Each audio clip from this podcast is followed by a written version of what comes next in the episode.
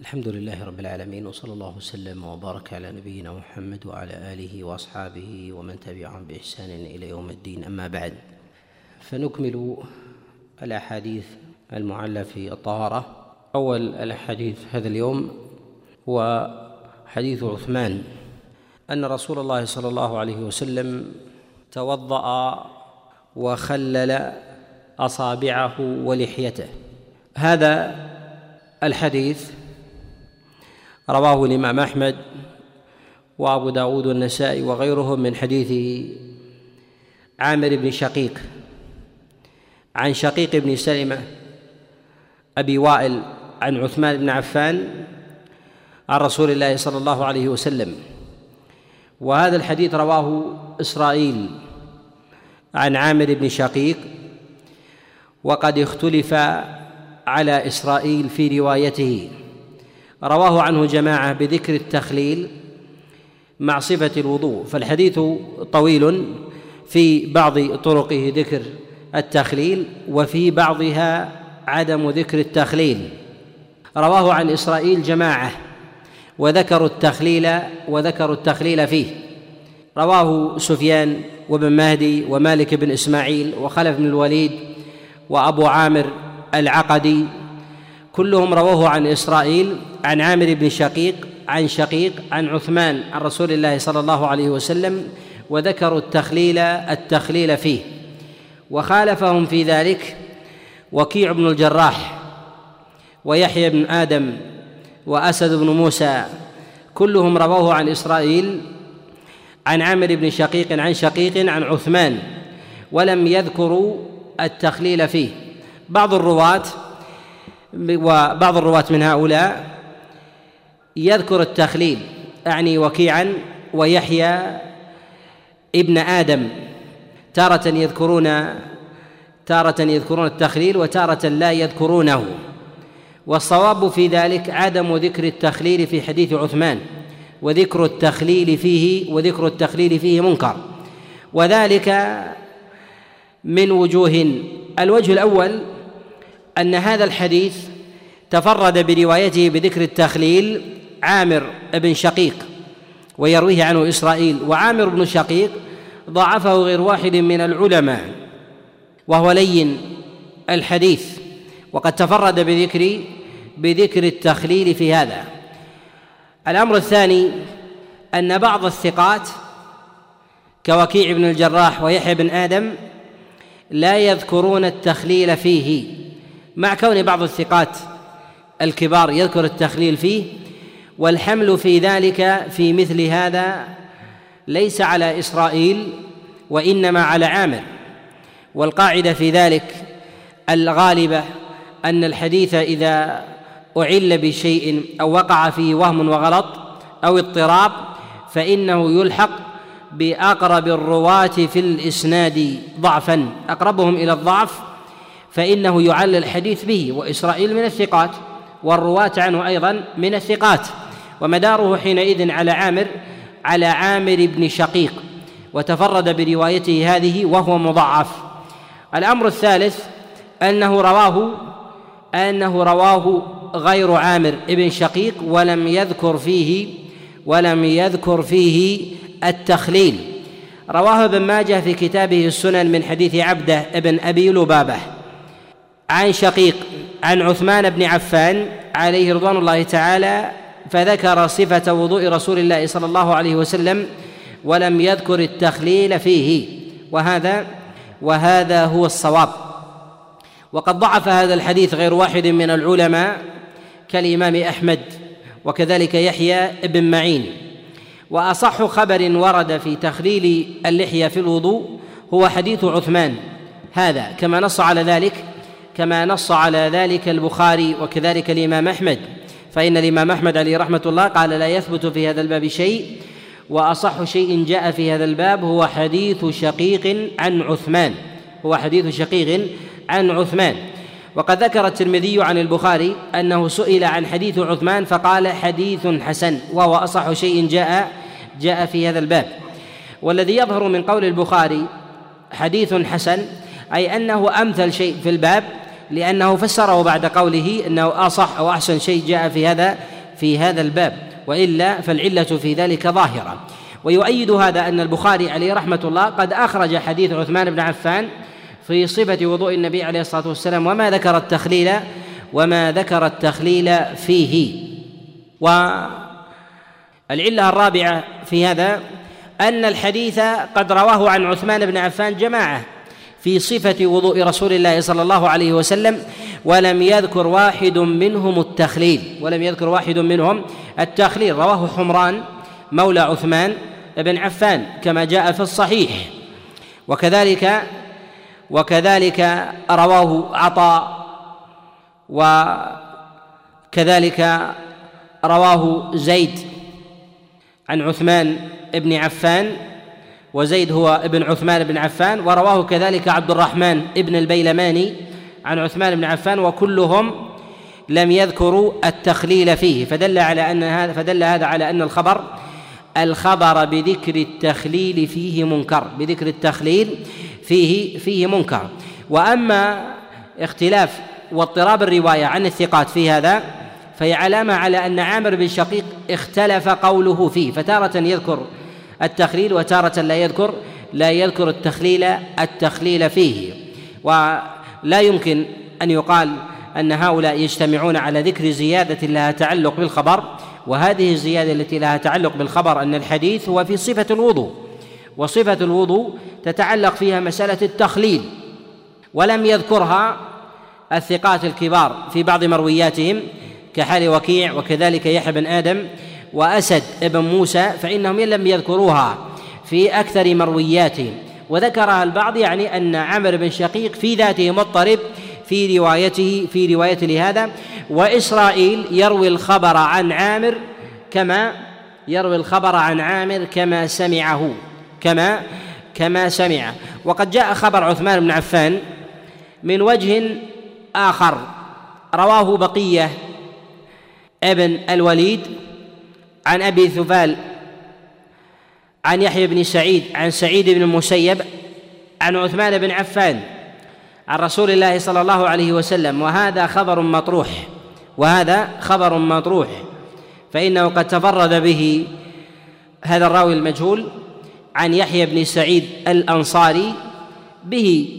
ومثل هذا الحديث لو وجد عن يحيى بن سعيد الأنصاري عن سعيد بن المسيب لوجب نقله لأنه ممن ممن له أصحاب كثر. يحيى بن سعيد من أئمة الرواية. وكذلك السعيد المسيب لو وجد عنده عن عثمان لنقله عنه الرواة. فلماذا يتفرد بهذا الحديث بقية؟ عن هذا الراوي المجهول عن يحيى بن سعيد الأنصاري عن سعيد بن المسيب. وقد أنكر هذا الخبر غير واحد كابن حبان وغيره فدل هذا على ضعف فدل هذا على ضعف هذا الخبر. الحديث الثاني حديث عمار بن ياسر أنه رأى رسول الله صلى الله عليه وسلم توضأ وخلل لحيته فقال هكذا أمرني ربي.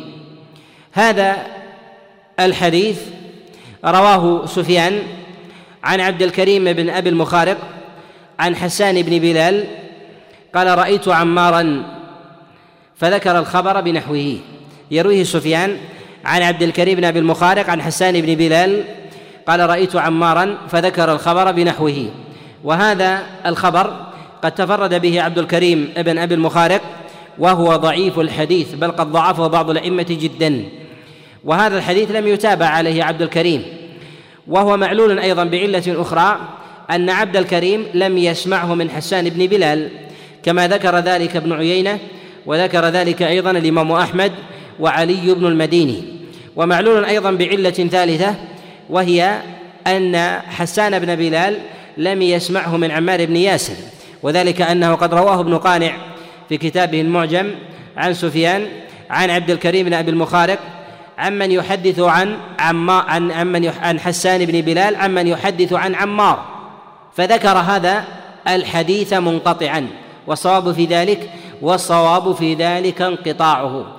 ولكن هذا الحديث قد رواه ابن ماجه في كتابه السنن من حديث ابن أبي عمر عن سفيان عن سعيد بن أبي عروبة عن قتادة عن حسان بن بلال عن عمار بن ياسر وهذا الخبر منكر قد أنكره أبو حاتم والعلة في ذلك أن هذا الحديث أن هذا الحديث مسلسل بالكبار هذا الحديث مسلسل بالكبار.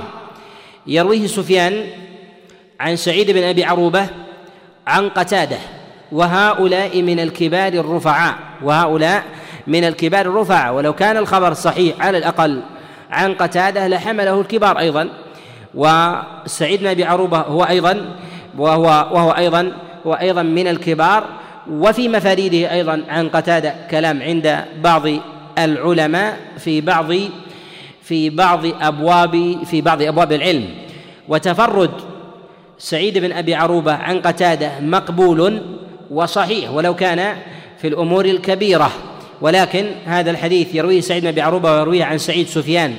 ثم لا يرويه الكبار ما يدل على أن هذا الحديث مما لا يثبت وأن إسناده مختلق. إما أن يكون الإسناد مختلق أو طرأ أو طرأ وهم على المتن أو طرأ وهم على المتن بذكر التخليل فيه. وقد نص على الوهم في هذا الحديث أبو حاتم فقال لو صح هذا الحديث لوجد في كتاب سعيد بن أبي ابن أبي عروبة. لوجد في كتاب سعيد بن أبي عروبة. وسعيد بن أبي عروبة له مصنفات في هذا وهي من الاجزاء المفقوده وجد منها أشياء يسيرة ككتابه في ككتابه في المناسك. وبهذا نعلم أن الأئمة لهم شروط في إيراد الأحاديث في اجزائهم حتى المتقدمين في هذا أن الأحاديث التي لا توجد في مصنفاتهم ويرويها غيرهم وهو من الأئمة الكبار وهذه المتون لها معاني متينة ثم لم يردوها في مصنفاتهم فهذا إشارة على ضعفها. وذلك كسعيد بن أبي عروبة وكذلك الإمام مالك بن أنس وغيره. مالك بن أنس إمام كبير وله كتاب وهو كتاب الموطأ. كتابه الموطأ ما لم يذكره في كتابه الموطأ من الأصول الكبيرة وأخرجه عنه غيره في غير كتاب الموطأ والموطأ يحتاج إليه فإن هذا علامة علامة على الضعف علامة على ضعف ذلك الحديث. وغالبا ما تكون العلة في هذا ممن روى عن الإمام مالك مالك بن أنس فيكون قد تفرد به بعض بعض أصحابه. ولهذا قد صنف غير واحد من الأئمة غرائب الإمام مالك. كالإمام الدار قطني عليه رحمة الله والعلة في ذلك هي من غير من غير مالك. هم من تلامذة الإمام مالك الذين هم في ذاتهم ثقات هم في ذاتهم ثقات ولكنهم ولكنهم يغلطون. فيغلطون في أمثال هذه الروايات. وحديث عمار بن ياسر في ذكر تخليل اللحية في الوضوء ضعيف ولا يصح بل هو بل هو منكر. الحديث الثالث في هذا حديث أنس بن مالك عليه رضوان الله تعالى. قد رواه الترمذي كما في كتاب العلل وكذلك رواه ابن ماجه وغيرهم من حديث موسى بن أبي عائشة عن أنس بن مالك عن رسول الله صلى الله عليه وسلم وذكر التخليل في صفة وضوء النبي صلى الله عليه وسلم وهذا الخبر منكر. ونكارته فيه أن موسى بن طلحة لم يسمع الحديث من عائشة.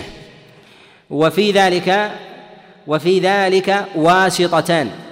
وفي ذلك وفي ذلك واسطة وهو يزيد بن أبي زياد الرقاشي والذي يروي عن أنس بن مالك ويروي عن يزيد بن أبي زياد الرقاشي رجل كما رواه بعض الرواة والحسين بن صالح يرويه عن موسى عن رجل عن يزيد بن أبي زياد الرقاشي عن أنس بن مالك عن رسول الله صلى الله عليه وسلم. وهذا الحديث وهذا الحديث منكر بل هو باطل. ولهذا استغربه غير واحد من الأئمة كأبي حاتم. استغربه غير واحد من الأئمة كأبي حاتم. فقال كنا نعده غريبا حتى علمنا الواسطة فيه. يعني أن موسى يرويه عن رجل عن يزيد بن أبي زياد الرقاشي. ويزيد بن أبي زياد الرقاشي مطروح وهو ضعيف باتفاق الأئمة. وتفرده بهذا الخبر وتفرده بهذا الخبر لا يصح. الحديث الرابع في هذا وحديث عائشة عليها رضوان الله تعالى في تخليل لحية رسول الله صلى الله عليه وسلم في وضوئه. وهذا الحديث يرويه طلحة بن عبيد الله الخزاعي عن عائشة عن رسول الله صلى الله عليه وسلم وحديث عائشة هذا منكر وذلك أن طلحة لم يثبت له السماع من عائشة وبينهما واسطه وهو تابعي متأخر وهو تابعي متأخر. وقد تكلم فيه غير واحد من العلماء وهو ممن لا يحتج ممن لا يحتج بحديثه. قال الدار قطني عليه رحمة الله هذا حديث حديث مجهول حمله حمله الناس. وهذا حديث حديث عائشة ما لا يصح. الحديث الخامس في هذا هو حديث أبي بكرة عن رسول الله صلى الله عليه وسلم في صفة وضوئه أن النبي صلى الله عليه وسلم خلل لحيته. وهذا الحديث رواه البزار من حديث عبد الرحمن بن بكار ابن عبد العزيز ابن أبي بكرة عليه رضوان الله تعالى. وهذا الحديث حديث منكر. تفرد به عبد الرحمن بن بكار كما رواه البزار في كتابه المسند. تفرد به عبد الرحمن بن بكار ابن عبد العزيز ابن أبي بكرة. عن أبيه وهو عبد العزيز وعن أبيه وهو وهو بكار. عن أبيه وهو عبد العزيز ابن أبي بكرة. عن أبيه وأبوه أبو بكرة عن رسول الله صلى الله عليه وسلم. وهذا الخبر خبر منكر تفرد به عبد الرحمن ابن بكار. ولا يعلم عن أبي بكر إلا بهذا الطريق. وعبد الرحمن بن بكار مجهول وكذلك أبوه. فهذا الحديث إسناده إسناده مسلسل بالمجاهيل. تفرد به عبد الرحمن بن بكار ابن عبد العزيز بن أبي بكرة عن أبيه عن أبيه عن أبيه أبي بكرة عن رسول الله صلى الله عليه وسلم. وقد أعل هذا الخبر البزار كما في كتابه المسند بتفرد عبد الرحمن بن بكار به عن عن أبيه. الحديث السادس في هذا هو حديث أبي أمامة عن رسول الله صلى الله عليه وسلم أنه كان يخلل لحيته أنه كان يخلل يخلل لحيته. هذا الحديث رواه ابن عدي وغيره من حديث عمر بن سليم الباهلي عن أبي غالب عن أبي أمامة عن رسول الله صلى الله عليه وسلم. وأبو غالب قال فيه بعض العلماء أنه ليس بقوي وهو ممن لا يحتج بمفاريده. وتفرد بروايته هذه عمر بن سليم الباهلي عن أبي غالب وهو ممن لا يحتج ممن لا يحتج بمفاريده. وخولف في ذلك خولف في ذلك. فعمر بن سليم يرويه مرفوعا جاء موقوفا كما رواه البخاري كما في كتابه التاريخ من حديث آدم أبي عباد عن أبي غالب عن أبي أمامة. اكتب يا أنس. فاتك شيء؟ إيه. الموقوف في التاريخ. من حديث؟ إيه. آدم أبي عباد. عن أبي غالب عن أبي أمامة موقوفا وهو الصواب. وهو الصواب. والخبر في هذا والخبر في هذا منكر. والخبر في هذا منكر مرفوعا. الحديث السابع في هذا هو حديث عبد الله بن عمر عليه رضوان الله تعالى عن رسول الله صلى الله عليه وسلم أنه كان يجع كان يخلل لحيته يضع أصابعه في وسط لحيته فيدلكها.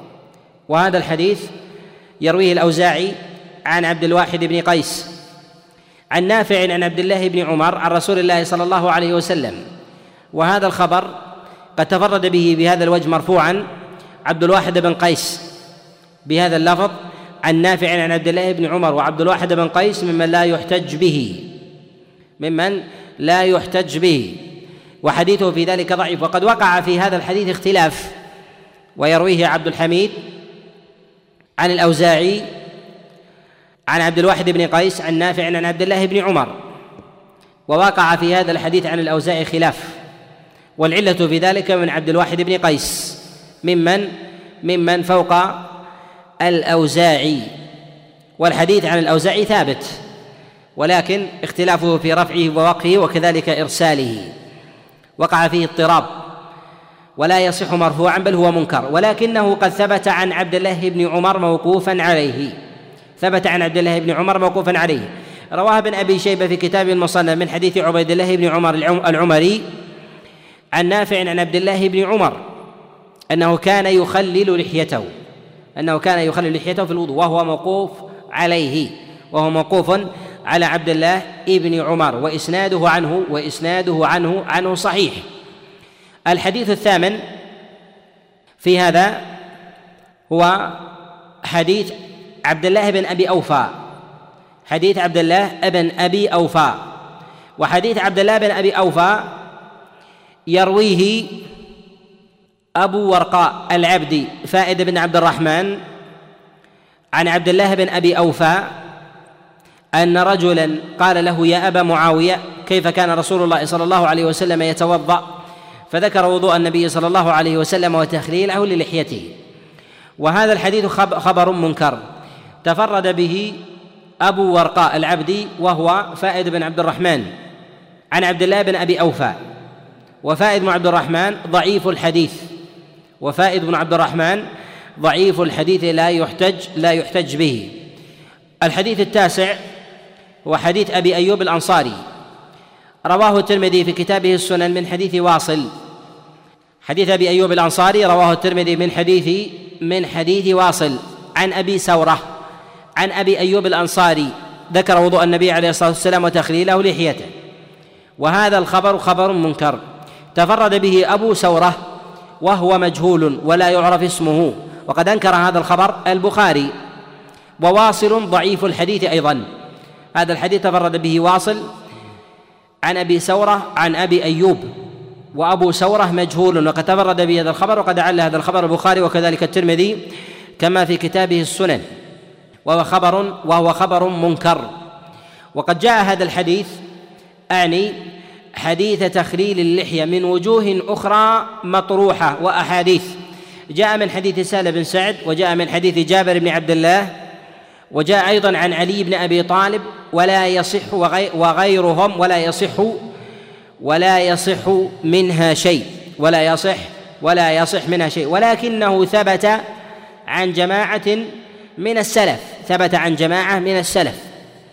وتخليل اللحية أمر مستحب أمر مستحب. وذلك إنما قلنا باستحبابه.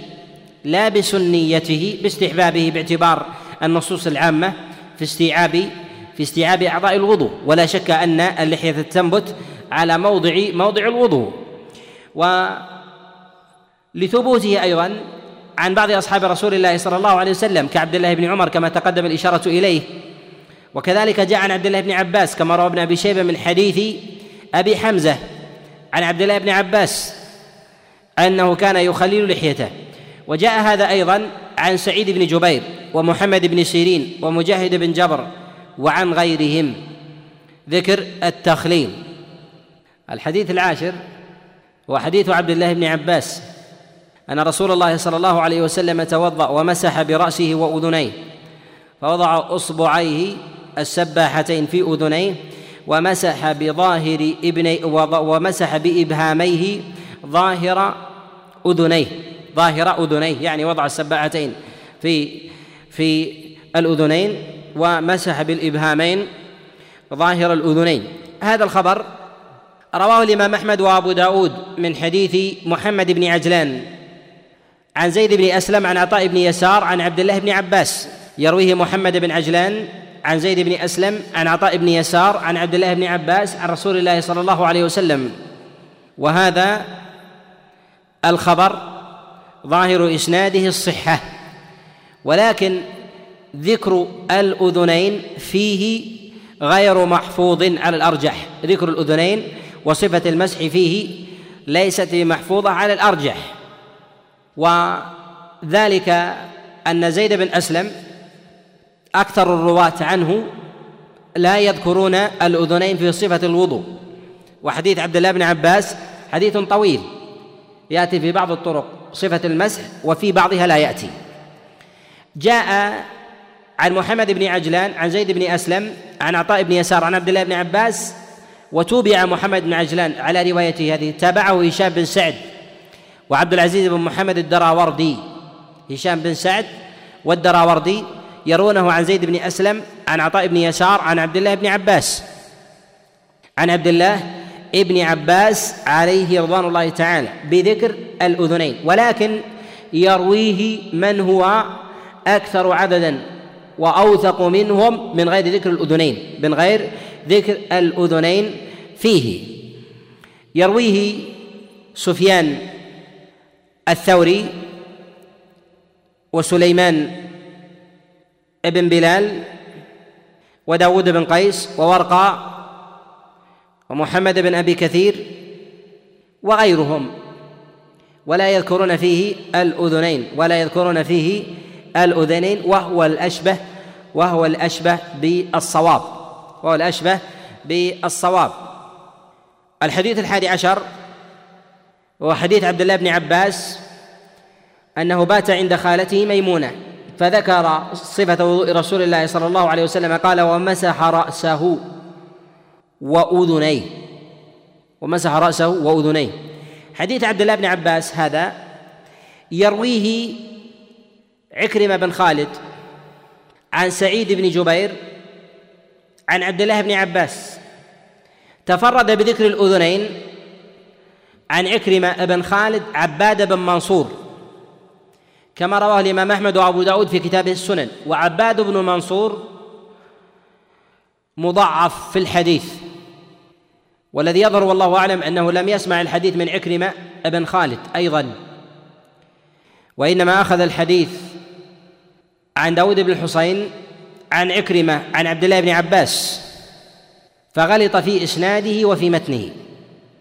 الحديث تفرد به عباد بن منصور الحديث تفرد به عباد بن منصور عن عكرمة بن خالد عن سعيد بن جبير عن عبد الله بن عباس. وفي علة أخرى أيضا أن البخاري ومسلم قد أورد حديث عبد الله بن عباس في مبيتة في مبيته عند خالته ميمونة وذكر وضوء النبي عليه الصلاة والسلام ولم يذكر الأذنين ولم يذكر الأذنين. وقد أخرج البخاري حديث عبد الله بن عباس من هذا الطريق من حديث سعيد بن جبير عن عبد الله بن عباس ولم يذكر الأذنين فيه. وقد أخرج البخاري ومسلم حديث عبد الله بن عباس من طرق متعددة وليس فيه ذكر الأذنين. وذكر الأذنين فيه وذكر الأذنين فيه منكر. الحديث الثاني عشر حديث الربو الربيع بنت معوذ بن عفراء أنها ذكرت وضوء رسول الله صلى الله عليه وسلم قالت ومسح برأسه وأذنيه. ومسح برأسه وأذنيه. هذا الحديث تفرد به عبد الله بن محمد ابن عقيل عن الربيع فذكر الأذنين فيه وعبد الله بن محمد بن عقيل ضعيف الحديث لا يحتج به. وذلك مع صلاحه وجلالة قدره إلا أنه ضعيف الحفظ. وقد تفرد تفرد بهذا الحديث. الحديث الثالث عشر الحديث الثالث عشر. حديث عمرو بن شعيب عن أبيه عن جده أن رسول الله صلى الله عليه وسلم توضأ ثلاثا ثلاثا وقال هكذا الوضوء فمن زاد على هذا أو نقص فقد أساء وظلم. هذا الخبر يرويه الإمام أحمد وأبو داود من حديث أبي عوانة عن موسى بن أبي عائشة عن عمرو بن شعيب من حديث أبي عوانة عن موسى بن أبي عائشة عن عمرو بن شعيب عن أبيه عن جده. فذكر فيه أو نقص. وقد رواه النسائي بن ماجه من غير هذه الزيادة. أعني أو نقص. ولعل هذا من النسائي إعلال لهذه اللفظة. ولفظة أو نقص منكرة في هذا الحديث. وهذا الحديث الحمل فيه ليس على موسى ولا على أبي عوانة. ليس على موسى بن أبي عائشه الذي يروي عن عمرو بن شعيب ولا على أبي عوانة. الوضاح بن عبد الله اليشكري. وإنما الحمل فيه على عمرو والسبب في ذلك أن أبا عوانة تبع عليه. تابعه على روايته هذه تابعه على روايته هذه سفيان يرويه عن موسى بن أبي عائشة. تارة يرويه سفيان بذكر هذه الزيادة وتارة لا يذكرها. يرويه يعلى بن عبيد كما عند ابن ماجه وغيره ويرويه كذلك حماد بن أسامة. حماد بن أسامة يذكرها ويعلى بن عبيد لا يذكرها. فدل على هذا على أن الحمل في ذلك هو على عمرو بن شعيب. وعمرو بن شعيب مع استقامة حاله بالسبر بالنظر إلى مروياته ومستقيم الحديث ولكنه يهم يهم ويغلط. وقد صنف مسلم جزءا في ما استنكر على عمرو بن شعيب وذكر هذا الحديث منها وذكر هذا الحديث منها. وقد نبه على هذا أيضا في كتابه التمييز. وقد نبه على هذا أيضا في كتابه في كتابه التمييز. وعمر بن شعيب في ذاته مستقيم وكذلك أيضا في روايته.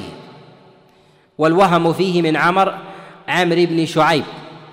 وأيضا من وجوه إعلال هذا الحديث أن النبي صلى الله عليه وسلم جاء عنه في أحاديث كثيرة أنه توضأ دون الثلاث. وهذا الحديث يقول فإن زاد على هذا أو نقص. يعني نقص على هذا أساء وظلم. جاء النبي عليه الصلاة والسلام أنه توضأ مرة مرة كما جاء في الصحيح. من حديث عبد الله بن عباس. وجاء أيضا عن رسول الله صلى الله عليه وسلم من حديث علي من حديث عثمان وغيرهم. في بعضها لا يذكر التثليث.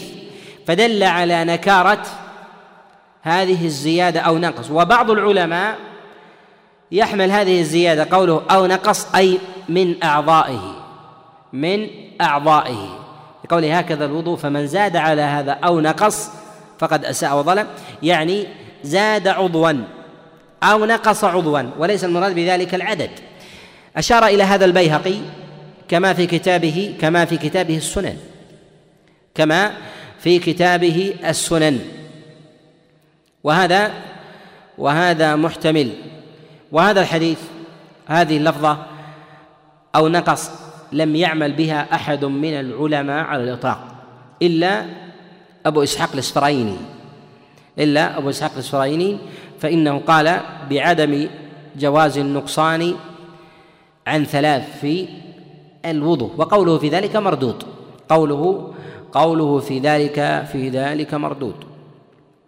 نكتفي بهذا ولا نكثر. من يعيد حديث عثمان؟ حديث عثمان الأول. آه شيخ.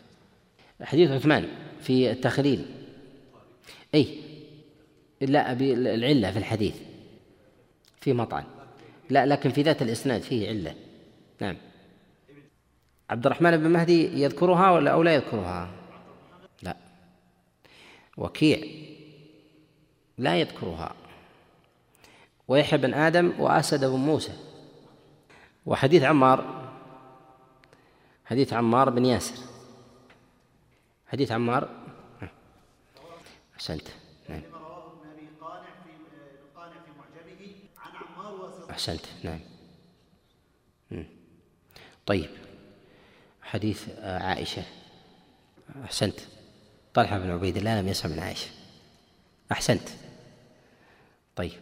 حديث أنس بن مالك.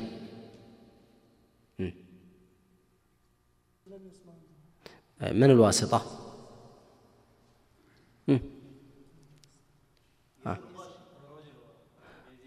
رجل عن يزيد بن زياد الرقاش. طيب. حديث أبي أمامة. حديث أبي أمامة. أنا سألتك. عن. ها. نعم. أنت اللي ذكرتها قبل قليل. أنا سألتك عنه آدم. أبي عباد يرويه عن من؟ عن أبي غالب عن أبي أمامة. ها. العلة الوقف والرفع وكذلك أيضا أبو غالب. ها؟ لا يحتج به. طيب حديث أبي أيوب الأنصاري المفترض أنه إذا تعودت على الأسانيد أن من أول مرة يعلق الإسناد. يعلق الإسناد في الذهن يمسك. في خطأ في تصحيف. أي. ابي ثوره أي. أنا اخطات فيها وكسر حمر نعم واصل عن ابي ثوره عن. ابي ايوب أحسنت. وتفرد به واصل عن ابي ثوره وابي ثوره ضعيف مجهول عن أبيه عن جده عن أبي جده. عبد الرحمن مجهول. أسانيد يعني مجهولة طيب حديث ابن أبي أوفاء ارفع يدك لو مرة. حديث ابن أبي أوفاء هذه الأمور ينبغي لطالب العلم أن يعتني بها. لماذا؟ لأنها تتعلق بعبادة يومية. عبادة عبادة يومية. وهي مسألة التخليل. هل تصح فيها الأحاديث أو لا تصح؟ ينبغي أن يضبط لأن ليست بمنأى عن عمل الناس. حتى إن أفتى يفتي على بينة وإن تكلم تكلم على بينة وإن حاجج وناظر ناظر وحاجج على بينة ما يتكلم على عواهنه يقول قال فلان وأنا أقول بقوله واضح؟ وش العلة؟ يرويه عنه أبو ورقة عفوا. طيب حديث عبد الله بن عمر حديث عبد الله بن عمر. ثبت موقوفا عن عبد الله بن عمر لكن ما هي علته مرفوعا. عبد الواحد بن قيس عن نافع عن عبد الله. عبد الواحد بن قيس? عبد الواحد بن قيس ضعيف الحديث. وجاء أيضا من وجوه أخرى. طيب. نعم. حديث آه آخر حديث تكلمنا عليه حديث عمرو بن شعيب. أبو سلمان. آه. لماذا حملنا به عمرو؟ آه. لماذا حملنا به عمرا؟ أحسنت. الحمل فيها العمر وأيضا حمل مسلم عمرا هذه الزيادة. وهذا هو الدرس الأخير قبل الإجازة ونكمل إن شاء الله تعالى بعد الإجازة في أول سبت في أول سبت دراسي. أول سبت دراسي نستأنف بإذن الله تعالى وبالله التوفيق وصلى الله وسلم وبارك على نبينا محمد.